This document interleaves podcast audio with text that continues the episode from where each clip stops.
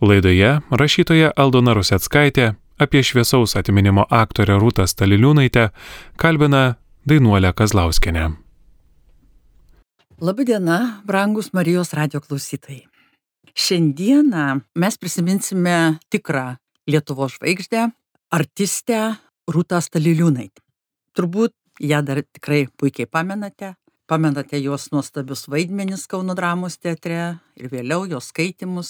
Bet prisiminti visada rūta yra svarbu ir malonu. Joba, kad šių metų sausio 21 dieną minėjome Staliliūnaitės 85-ąjį gimtadienį. Šiaip man rūta yra išlikusi atmintyje tokia visada guvi, jauna tarsi, nes aš visai paskutiniais gyvenimo mėnesiais kažkaip kaip ir nemačiau jos. Žodžiu, išlikusi labai iškilė asmenybė Lietuvos ne tik teatro padangėje, bet Lietuvos kultūroje ir net sakyčiau tokiam visuomeninėme gyvenime. Ir, na, Staliliūnaitę laikyčiau tam tikrų moralės pavyzdžių Lietuvė patriotė moterimi iš tikrųjų turėjusią ką pasakyti, apie ką kalbėti ir išlikti istorijoje. Ir šiandieną pokalbį aš pasikviečiau iš tikrųjų Rūtos Taliliūnaitės, drįstu sakyti, kad tikrai labai artima bičiulė, Dainuolė Kazlauskienė. Mes šiaip Dainuolę vadiname tiesiog trumpindami daina, tai ir čia mūdvi pokalbėje vadinsime vieną kitą vardais, kadangi esame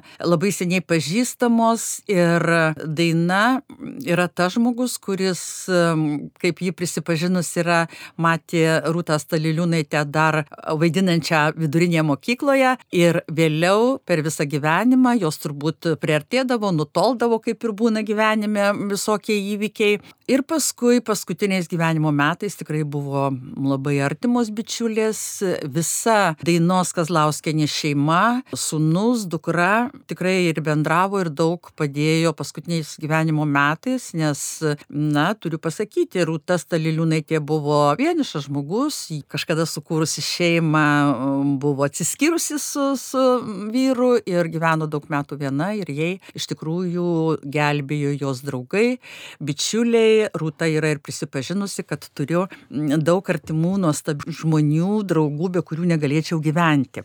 Šiandieną ir, ir norėčiau dainą paklausinėti šiek tiek, nes daina Kazlauskienė yra sudariusi apie Rūtą Staliliūnaitę knygą pavadinimu Nejaugi tai buvo, kuri išėjo 2017 metais. Knyga labai vertinga, joje yra straipsniai, pokalbiai, Staliliūnaitės laiškai, Tai vadinasi, daina tyrinėjo archyvą ir šita knyga tikrai labai puikiai ir aš asmeniškai ją džiaugiuosi, joje daug nuotraukų ir daug visokių nuostabių dalykų, nes Staliliūnaitė buvo ir minties žmogus, ir raštų, ir turėjau ką pasakyti. Tai dabar, mėla daina, aš ir klausiu jūsų, prisiminkite šiek tiek tuos ankstyvuosius metus, tą Rūtos pačią pradžią, nes iš tikrųjų, kai aš klausiausi Rūtos interviu kažkada ir kai jos paklausė, o kokiagi ta teatrinė pradžia, tai jinai ne apie ką kitą pakalbėjo, pakalbėjo apie mokyklą, apie mokyklos vaidinimus ir paskui kažkaip jau vos neperšoko į Kauno dramos teatrą. Tai, tai prašom, mėly Daina, prisiminkite. Kviečia, šaukia, klausyk ir tave. Eik žmogau, manęs nekvies. Tik du, pats ir jis gana. Taip, labai mėla prisiminti Rūtą Staliliūnaitę, labai man jos trūksta. Man ji buvo labai svarbi mano gyvenime, mano toks gyvenimo šviesulys. E, Pirmą kartą Rūtą pamačiau Krakių gimnazijoje, būtent apie kurią jinai ir kalba, kur jinai pradėjo savo talentą kaip artistės reikšti. Mes abi kilusios esam iš to paties krašto ir aš tuose pačiuose krakise esu ir vieną klasę baigusi, Rūtelį baigi vidurinę gimnaziją ten. Ir kai jie atvažiavo į krakes mokytis paskutinėse klasėse, 9, 10, 11, ten veikė dramos burelis ir vatinai įsijungė į to burelio veiklą. Na ir žinoma, labai greitai režisierius tos mokyklos mokytojas pastebėjo jos talentą ir jai buvo skiriami pagrindiniai vaidmenys. Man teko laimė pamatyti vieną jos spektaklį, kuriame Rūta vaidino grafaitę. Ir mane jį taip sužavėjo, turbūt niekiek nemažiau, kaip kad pamačiau, kad Barbora, kai jį suvaidino. Nes tai buvo jaunystė ir man pirmas toksai buvo įdomus spektaklis, vaidinimas, nors ten po to turėjo būti šokiai, bet man jau tie šokiai nerūpėjo, man tik rūpėjo, o kaipgi ta grafaitė, kaip ir toliau, po vaidinimo, kas toliau su ją bus, va taip man toks, tarytum to vaidinimo tesinys buvo. Nu kažkokia vis dėlto, aš taip galvoju, kad rūta prigimtyje vis dėlto turėjo Dievo, buvo apdovanota iš tiesų, kad jeigu jau jinai gimnazijos metu, dar neturėjus jokių profesionalių pamokų, aktoriaus meistriškumo, jinai tikrai labai gerai valdė. Tai, ką jinai darė, aš viskuo tikėjau, aš viskuo patikėjau, ką jinai darė. Tai buvo mano pirmasis toks prisilietimas prie Rūtos, o vėliau mūsų keliai susitiko Juozo Grodžio muzikos mokykloje. Rutelė baigdama gimnaziją, aišku, turėjo rinktis kelią, o kasgi toliau, kur eiti toliau, kuo būti toliau gyvenime kokią profesiją rinktis. Kadangi buvo jau susižavėjusi vaidinimais, galvojo gal pasukti šituo keliu, artistės keliu. Bet kai vaikystėje, kokioj šeštoj, penktoj klasė dar vis per per pamokas mokytojai klausdavo, tai kuogi būsite vaikeliai užaugę, kuo norėtumėt būti. Tai rūtelį atsakydavo, kad aš norėčiau būti gydytoja ir gydyti vaikus. Man atrodo, kad aš mokėčiau juos paguosti, užjausti, reiškia.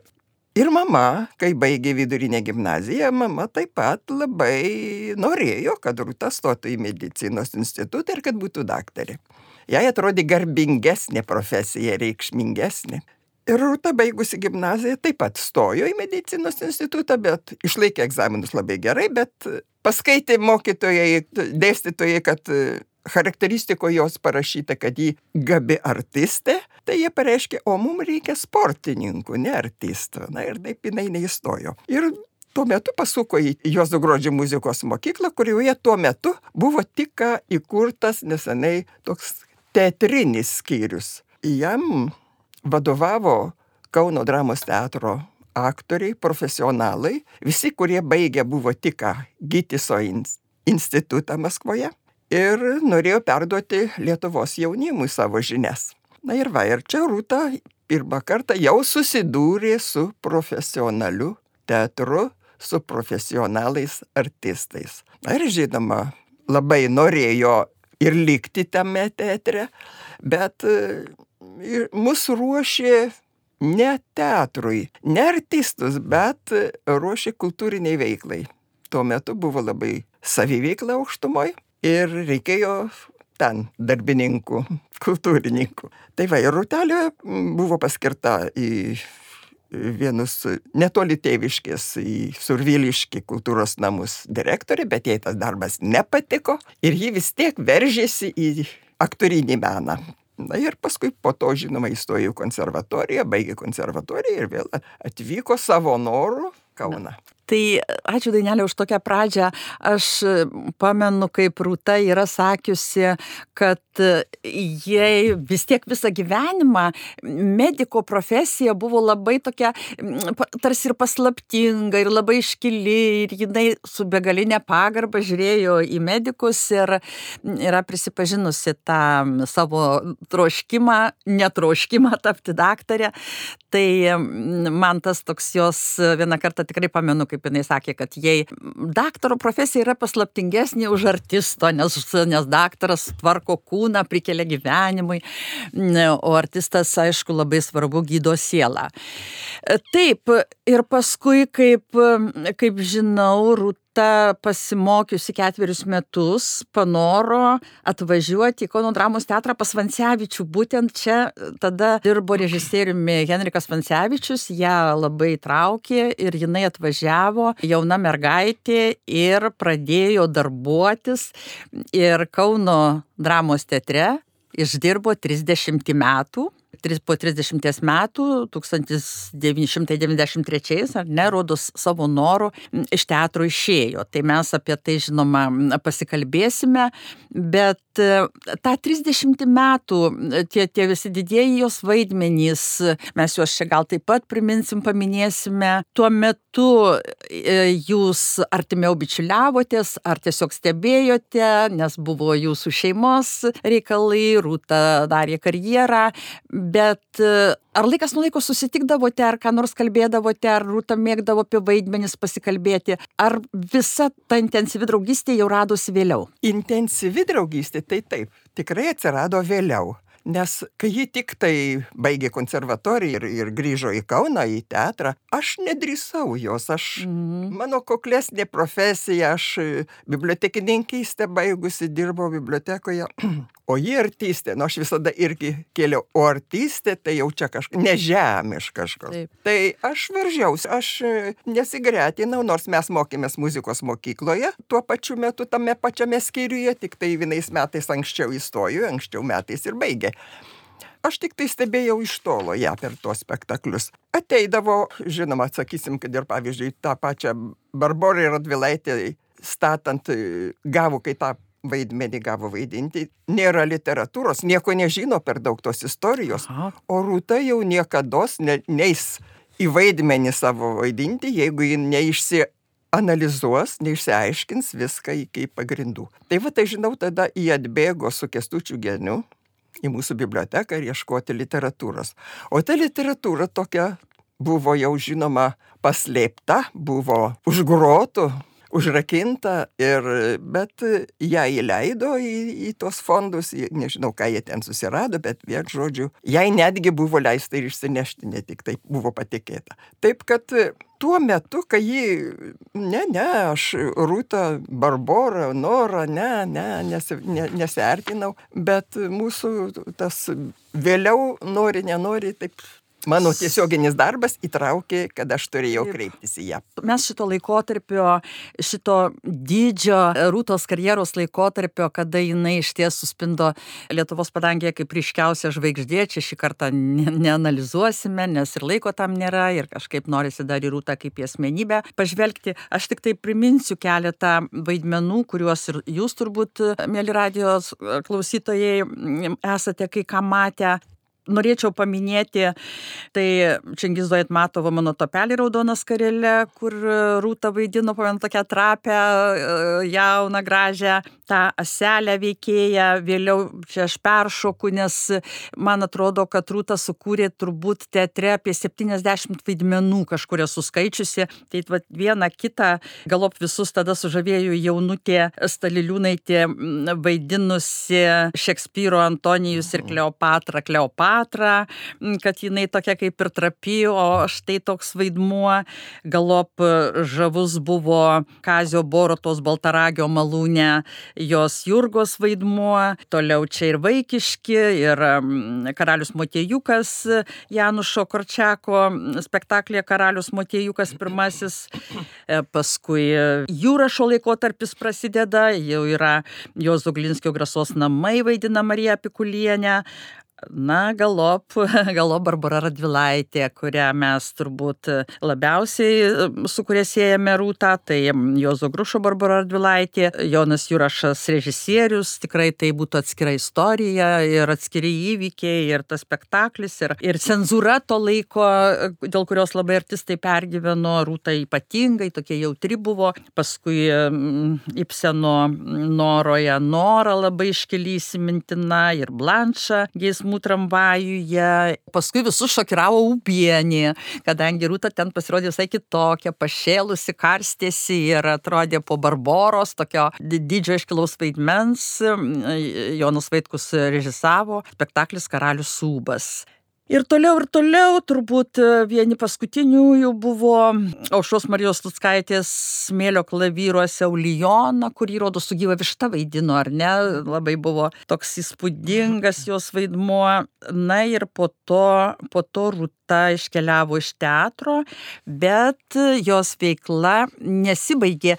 Ir man įdomu yra tai, kad jūs esat kažkada minėjusi kažkokiam renginyje, kad vienas tokių turbūt įspūdingiausių ir atviriausių įdomiausių Rūtos e, interviu yra su jos, man rodos, kurso draugu Vinsu Leknavičiumi, kur jinai tikrai e, gana ilgai apie viską jie ten kalbasi ir tai yra, man rodos, 1990 metai ir Staliliūnaitė pasisako, e, jos klausia Aleknavičius ten apie viską, apie vaidmenis, apie teatrą, apie moterišką laimę, na ir kaip jūs dabar jaučiatės ir jinai sako o kaip tik atgimimo pradžia, o kaip tik rūta pilna patriotiškumo, pilna tokio entuzijazmo, kažką daryti dėl Lietuvos, dirbti, nepasiduoti. Ir jinai sako, o tai dar, dar aš dabar, dabar aš dar turiu daug metų.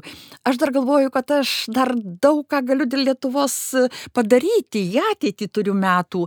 Ir e, tikrai dabar, kada atsivėrė Lietuva, kada yra laisvė, kada mes kūrėme savo Lietuvą, aš manau, kad aš dar daug ką naudingo tėviniai padarysiu. Ir štai tuomet, mėla Daina, jūs mm, Kauno viešojoje bibliotekoje kartu su poetu Robertu Keturakiu kūrėte gyvojo žodžio almanachą pavadinimu Žolynas.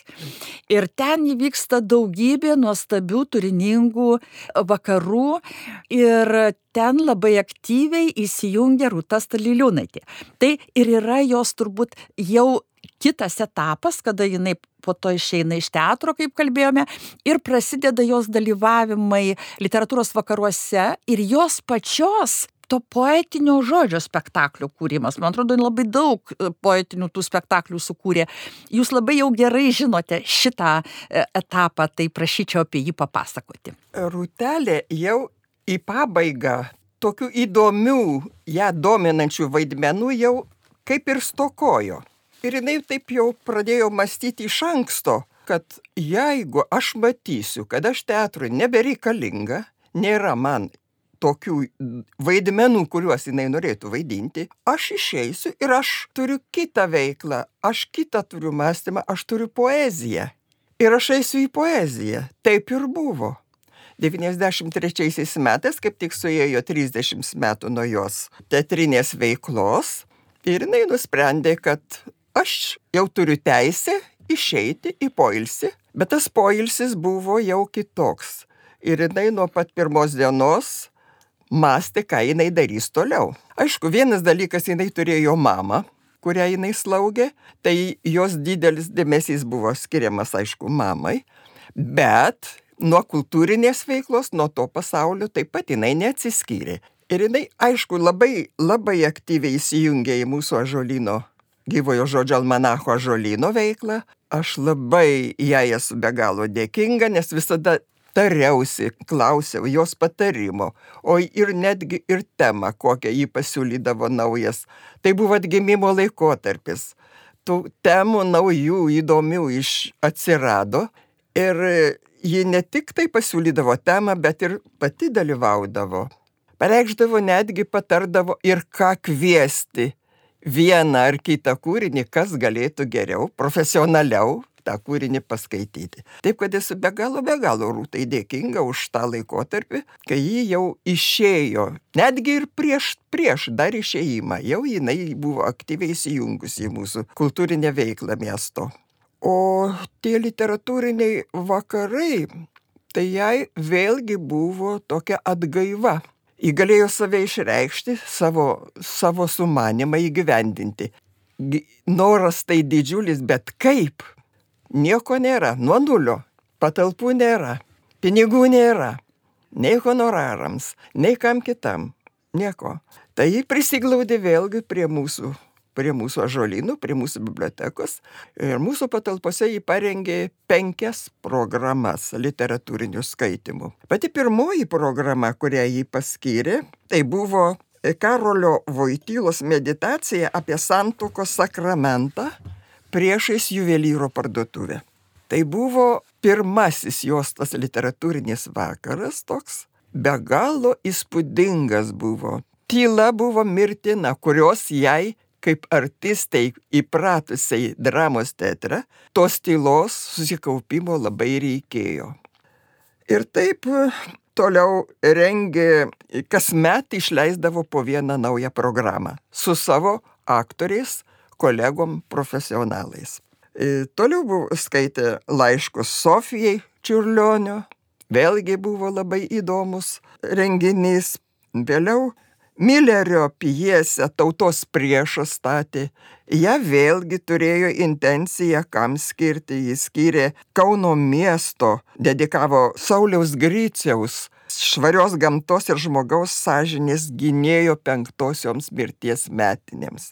Jis vis rasdavo, kam nusilenkti ir kam tokiu būdu padėkoti. Vėliau skaitė Matskaus dedikacijos mirčiai ir meiliai, na ir Lietuvė prie Laptėvo jūros. Tai va tokias programas parengė į mūsų bibliotekoje. Bet Rūtai labai reikėjo, kaip jau sakiau, tos ramybės, o biblioteka yra biblioteka.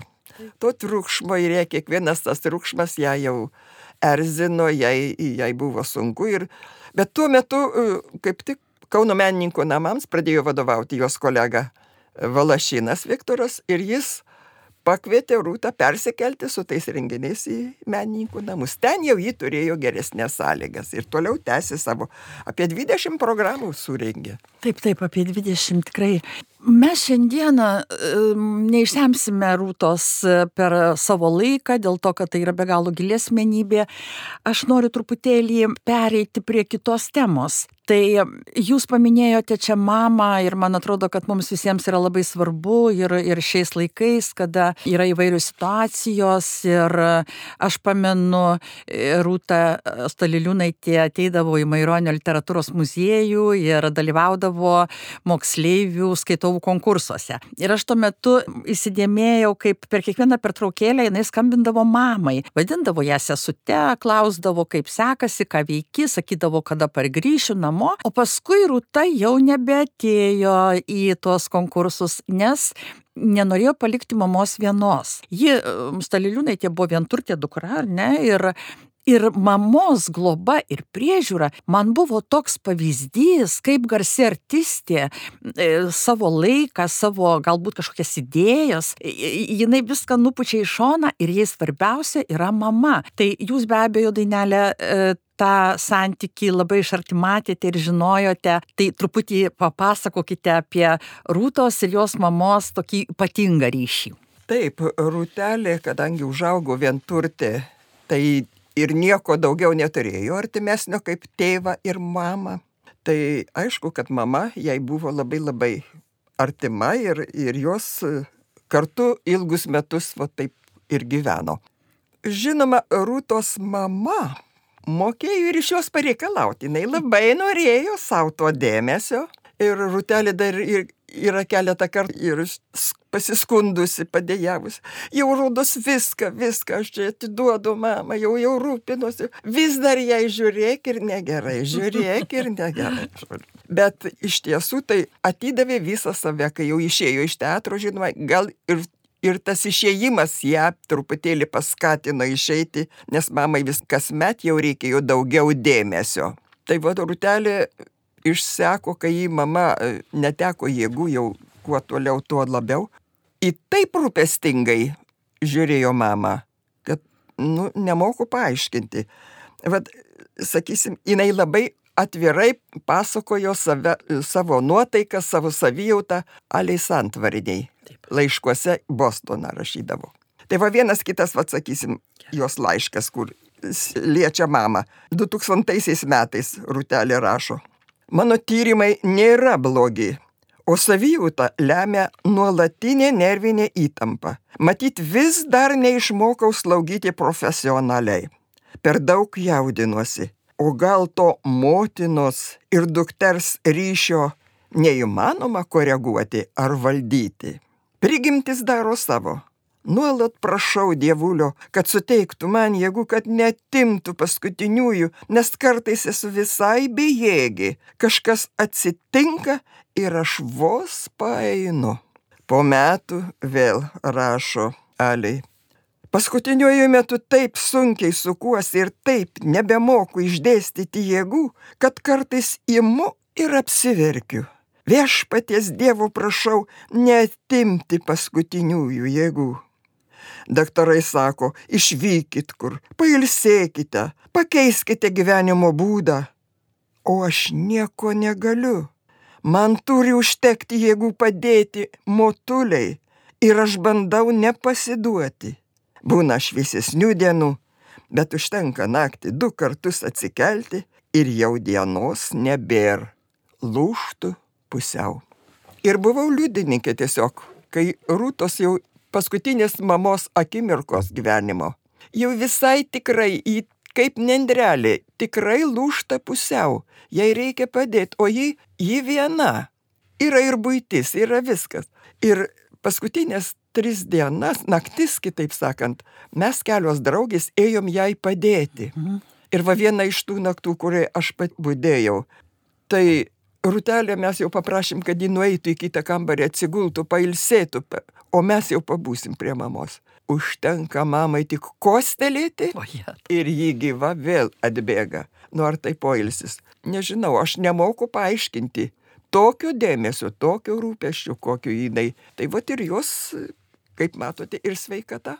Taip, iš tikrųjų ryšys buvo ypatingas, o dabar aš dar norėčiau, kad į laidos pabaigą jūs prisimintumėt truputį dar ir kitus dalykus, dėl to, kad buvote labai arti jos pačios rūtos lygos metu. Ir kas mane žavėjo, gal netinka toks žodis sakyti tokiu atveju, bet mes jau žinojome, kad rūta serga ir kad lyga yra rimta, bet jos orumas, jos išdidumas, jos nepasidavimas, jos nešarojimas mane taip kažkaip jaudino, kad galvodavau tik mokytis ir mokytis, kaip reikia elgtis sunkia valandą. Ir taigi, kaip supratau, viską norėjau sutvarkyti, kad niekam neliktų jokių rūpešių po jos. Netgi sutvarkė savo artimųjų kapus, netgi pašušvy ten ir savo vietą pasiruošė, kad nebūtų niekam rūpešių pas tėvelius. Ir aš pamenu, jinai nedaug to gyvenimo buvo likę, man paskambino dėl savo archyvo, kur padėti,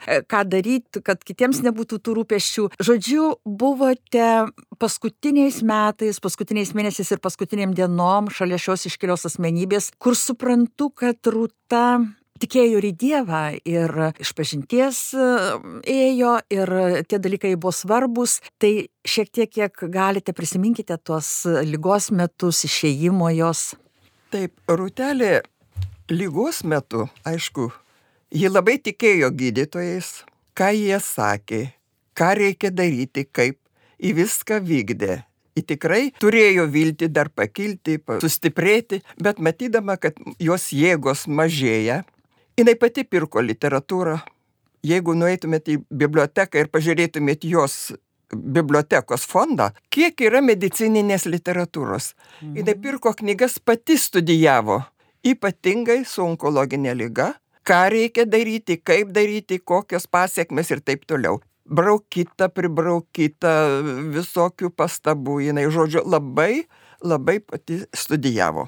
Aišku, ji labai, labai buvo ori ir tiesiog iš tiesų padėti jai, kad jai kas ką padėtų, ji nesiprašė.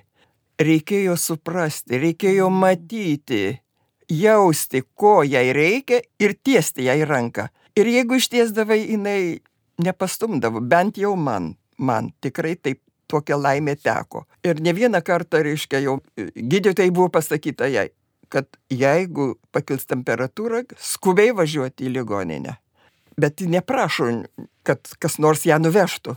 Ir taip atsitiko, kad paskambinau, o ji ašaroja ir, ir sako, kad man tokia bėda. Tai mes greitai, aišku, į mašiną ir, ir ją vežėm į ligoninę. Nu, žodžiu, jinai tikrai ir ligoniniai būdama, jinai neprašė, kad prie jos būdėtų, kad nors jinai, jai buvo sudarytos geros sąlygos, įgulėjo vienutėje, bet gulint vienutėje, jeigu nieko nėra daugiau, tai Dar irgi liūdniau. sunku. Ir vieną dieną aš atėjau, oi vis sakydavo, man čia gerai, personalas geras, man čia nieko netrūksta, nereikia būdėti. Bet vieną dieną atėjusi radau labai sunkioj būsenoj ir supratau, ne, Rūta, viskas, šiandien aš iš tavęs neišeisiu. Būdėjau per naktį ir tai buvo labai dėkinga ir, ir buvo reikalinga ir po to jau jį nusileido. Jau leido, bet tai buvo susakiusi man kas gali būdėti, ne bet kas. Norinčių būdėti buvo daug ir mus ten pyko gal ant mūsų, kad mes neprileisdam. Bet Rūta pasakė griežtai, ką jinai nori ir ko jinai nori.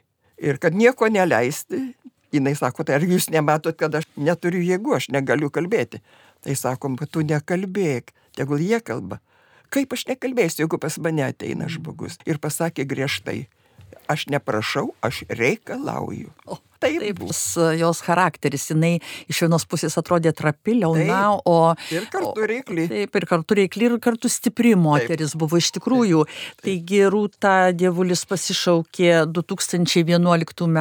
gegužės 9 dieną. Pagal jos valią ji palaidota yra pašušvyje, pas tėvelius ir pati labai ten tas kapines tvarkydavo ir, ir džiaugdavosi gėlėmis, turbūt tos gėlės tebe žydė, kiti žmonės prižiūri. Tai visai baigiant mūsų laidą, nes kaip matot, mes galėtum labai daug dar kalbėti, aš noriu Daina jūsų paklausti, šita knyga, kuri tikrai yra labai svarbi, vertinga, pavadinimu nejaugi tai buvo, straipsniai, pokalbiai, laiškai. Rūtos Taliliūnaitės, jūs turėjote archyvą, galėjote prie jo prieiti, jūs taip sugalvojote. Ar buvo truputį Rūtos valia, kad kada nors išeitų knyga apie ją ir šitie, šitie dalykai, ar tai jau buvo jūsų asmeniškai kitų bičiulių sumanimas? E, Ne, Rūtelė dažnai draugai kalbindavo ir sakydavo, išleisti Komunija. knygą savo. Buvo įdomi pašnekovė. E, Ir vis sakydavo, "Mm, dar ne, dar ne, dar, dar, dar vėliau, dar ne. Ir nebuvo tokio ir prašymo, ir pageidavimo, bet aš, kadangi domėjausi Rūtos veikla, man buvo labai jinai svarbi ir įdomi, o tuo labiau, kad aš dirbau tokį darbą bibliotekoje, tai aš tą medžiagą kaupdavau, rinkau ir dėjausi, dėjausi ir susirinko pas, pas mane pačią didelis tos rūtos veiklos archyvas. Tai aš būtent norėjau sudėti į knygą tai, ką ji pati rašė. Čia, čia buvo tai, ką ji pati rašė, jos straipsniai publikuoti ir pokalbiai dalis. O laiškai išdygo todėl, kad mes buvom labai artimi su Santvaro namais, galima pasakyti, Bostone. Kai Santvaras buvo gyvas, tai Rūtelį buvo vieną kartą jį matė Bostone ir su juo taip susibičiuliavo, susirašinėjo daugelį metų, o kai jis jau iškeliavo amžinybėn, nutarėm surenkti vakarą ir po to tęsis ir tas ryšys jau su Santvaro našle. Tai va, tai aš žinojau jų tą santyki ir žinojau, kad yra laiškai. O laiškai Santvarui rašyti rūtos buvo būtent jūsų valdose, e, Maironio muziejuje. Ir, ir laiškai rūtos e, Santvarieniai, o Santvaro laiškai rūtai buvo Vilniaus e, teatro ir kino muziejuje tas visas archyvas patekęs. Tai va aš surinkau visą šitą medžiagą, man buvo svarbu, įdomu, kadangi aš labai artimai žinojau tą jų ryšį, santyki ir mes labai labai aktyviai bendravom ir su ponia Alessantvarienė. Tai daina čia minė poetą Stasį Santvarą išeivį, kuris pasitraukė 1944 metais iš Lietuvos ir vėliau daug kas su juo bendravo, tarp jų ir Rūtas Taliliūnaitė ir jūs dainelė tuose namuose buvote. Taip, Deja, brangus Marijos radio klausytojai, mūsų laikas išseko, mes galėtume dar kalbėtis ir kalbėtis, nes apie Staliliūnaitę tikrai yra ką kalbėti ir bus be abejo kalbama ir gal bus dar knygų, negalime jos pamiršti, aišku, ir nepamiršime, Rūta yra Kauno garbės pilietė, tai vadinasi visada kažkokioj atmintyje turėtų suktis ir muziejuose, ir, ir dar tarp žmonių ją menančių. Tad dėkoju jums klausysiams ir, ir linkiu prisiminti Rūtą vaidmenis, pasikalbėti šeimose, nes tai iš ties didi, nuostabi mūsų Lietuvos žvaigždė. Dėkojame rašytojai Aldonai Rusetskaitėjai ir knygos apie Rūtą Staliliūnaitę sudarytojai Dainuoliai Kazlauskiniai. O dabar kviečiame pasiklausyti autentiško Rūtos Staliliūnaitės balso. Kviečia, šaukia, klausyk ir tave. Eik žmogau, manęs nekvies. Tik daug, bet ir jiems gana. Pirmoji mano vaikystės knyga. Džonis Griuelas. Skudurinės onutės pasakėlės. Iš anglų kalbos vertė Giedrė Žmuidzinavičiūtė Gučienė. Žodis skaitytojams ir klausytojams. Aš rašau, o priešais mane ant stalo, atremta į telefoną, sėdi sena skudurinė lėlė. Miela senoji skudurinė onutė. Tai ta pati skudurinė onutė, su kuria vaikystėje žaidė mano motina. Štai sėdi šiek tiek suglebusi, išklybusi ir dorų atvirų žvilgsniu, žiūri man tiesiai į veidą elektros šviesoje žypčiojančiomis batų sagučio akimis. Matyt, skudurinukė šiandien buvo vaišėse, nes jos veidas išteptas šokoladu, ji laiminga ir nuolat šypsosi. Tiesą sakant, ji gerokai apgraužta pelių, kurios išpešė iš jos vidaus minkštutę vatą savo lizdams. Bet ir tada, kai pelės ją graužė, skudurinukė šypsojusi kaip visuomet plačiai, nes jos šypsena išpašyta. Kiek nuotikių tu turėjai pergyventi skudurinukė? Kiek džiaugsmo ir laimės tu atnešiai į šį pasaulį? Kad ir kaip būdavo elgiamasi su tavimi, tu likdavai nuostabiai kantri. Kiek tu galėtum pamokyti mus meilumo ir ištvermės, turėdama 59 metų išmintį. Jei tik mokėtum kalbėti. Nenuostabu, kad skudurinės lėlės yra labiausiai mylimos. Tu esi tokia mėla, tokia mylima, kantri.